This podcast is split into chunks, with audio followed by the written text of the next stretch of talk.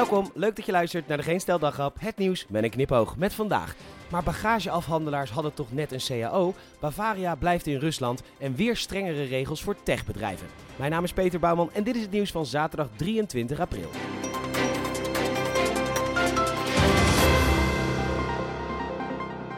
We hebben het er eerder over gehad in deze podcast. De bagageafhandelaars op Schiphol hebben voor het eerst ooit, ze smeekten er al om sinds 1995, een CAO. Die afspraken zijn gemaakt op 7 maart jongstleden. Direct waarschuwde Schiphol en consorten, luister, dankzij eerlijke onderhandelingen moeten wij deze ondergrondse kakkerlakken opeens betalen waren het, eh, mensen. Dus schrik niet als de tickets duurder worden.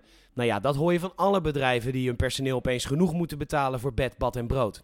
Maar waarom was er dan een flitsstaking onder bagageafhandelend personeel vandaag? Reizigers woest en heel eerlijk, ik begreep er niks van. Maar dankzij de redactie van Geen Stijl en het Parool komt daar eindelijk de aap uit de mouw. De KLM-bagageafhandelaars hebben namelijk een aparte CAO. Ja, je werkt voor de KLM Royal Dutch Airlines en dan krijg je een speciale collectieve apartheidsovereenkomst. Lekker koloniaal, je staat er niet echt goed voor als je werkt voor de trotse blauwe zwaan. En daar gaan we weer. De KLM, vleesgeworden arrogantie, al is vlees binnenkort alleen maar weggelegd voor de business class. Opgericht in 1919, ze hadden 101 jaar om wat vet op de botten te kweken. Corona kwam en afzwaaiend KLM-eindbaas Pieter Elbers zat eerder dan alle virologen aan de talkshowtafels te smeken om staatssteun.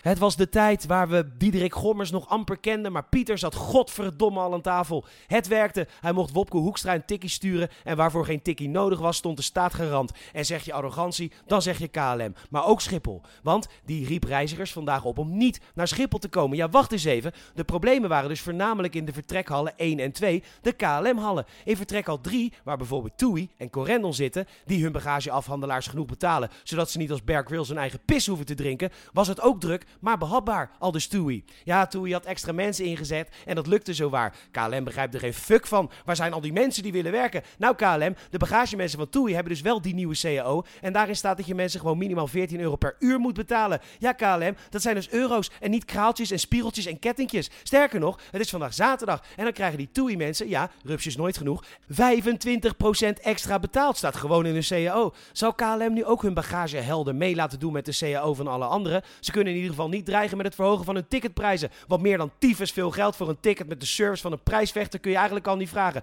Dus zelfgenoegzame Nederlander die denkt dat KLM een degelijke airliner is en bovendien Trots. Als dat Hollands trots is, waar constant belastinggeld naartoe moet, wellicht moeten we dan iets anders zoeken om trots op te zijn. Bijvoorbeeld de natte, kleffe spetterstront van Maarten van der Weijden in de Friese wateren. Kun je echt trots erop zijn? Vraag dat maar aan de KLM-piloten die nog geen maand na corona de laan uit zijn gestuurd. Bavaria laat weten dat ze bier blijven verkopen in Rusland. Omdat ze een partnerschap hebben met een Russisch bedrijf die daar het bier maakt, valt het niet onder de sancties, al dus de Telegraaf. Fijn dat er toch één biermerk in de Russische schappen blijft liggen wat niemand wil drinken. Ellen ten Damme heeft een verklaring afgelegd bij de politie dat Ali B., achternaam bekend bij de redactie, zich seksueel overschrijdend heeft gedragen. In een statement zegt Ali B. zelf dat het slechts het werk was van onschuldige flirt. Hm, onschuldige flirt. Bijzondere keuze, Ali B. Mijn piemel heet gewoon Arie de Beuker. De NOS laat weten dat er nieuwe wetgeving rond is die online platforms dwingt burgers te beschermen. De Digital Services Act verbiedt het gepersonaliseerde advertenties te tonen die gebaseerd zijn op gevoelige data als etniciteit, religie of seksuele geaardheid. Ugh. 18 jaar. 18 jaar lang heb ik moeten doen alsof ik op vrouwen viel. En dan zit ik straks op een gay website. En dan zie ik opeens weer een schaamlip in beeld. Of een klit. Of een. Ja, ik pak de Wikipedia pagina. Een voorhof. Of een. Ach. Opa lacht zich in ieder geval dood in zijn graf. Bedankt voor het luisteren. Je zou ons enorm helpen als je een vriend of vriendin of familielid vertelt over deze podcast. Mond-tot-mond reclame help je ons enorm mee. Je kan een Apple Podcast review achterlaten, 5 sterren alsjeblieft. En dat kan tegenwoordig ook via Spotify. Nogmaals bedankt voor het luisteren. Tot morgen.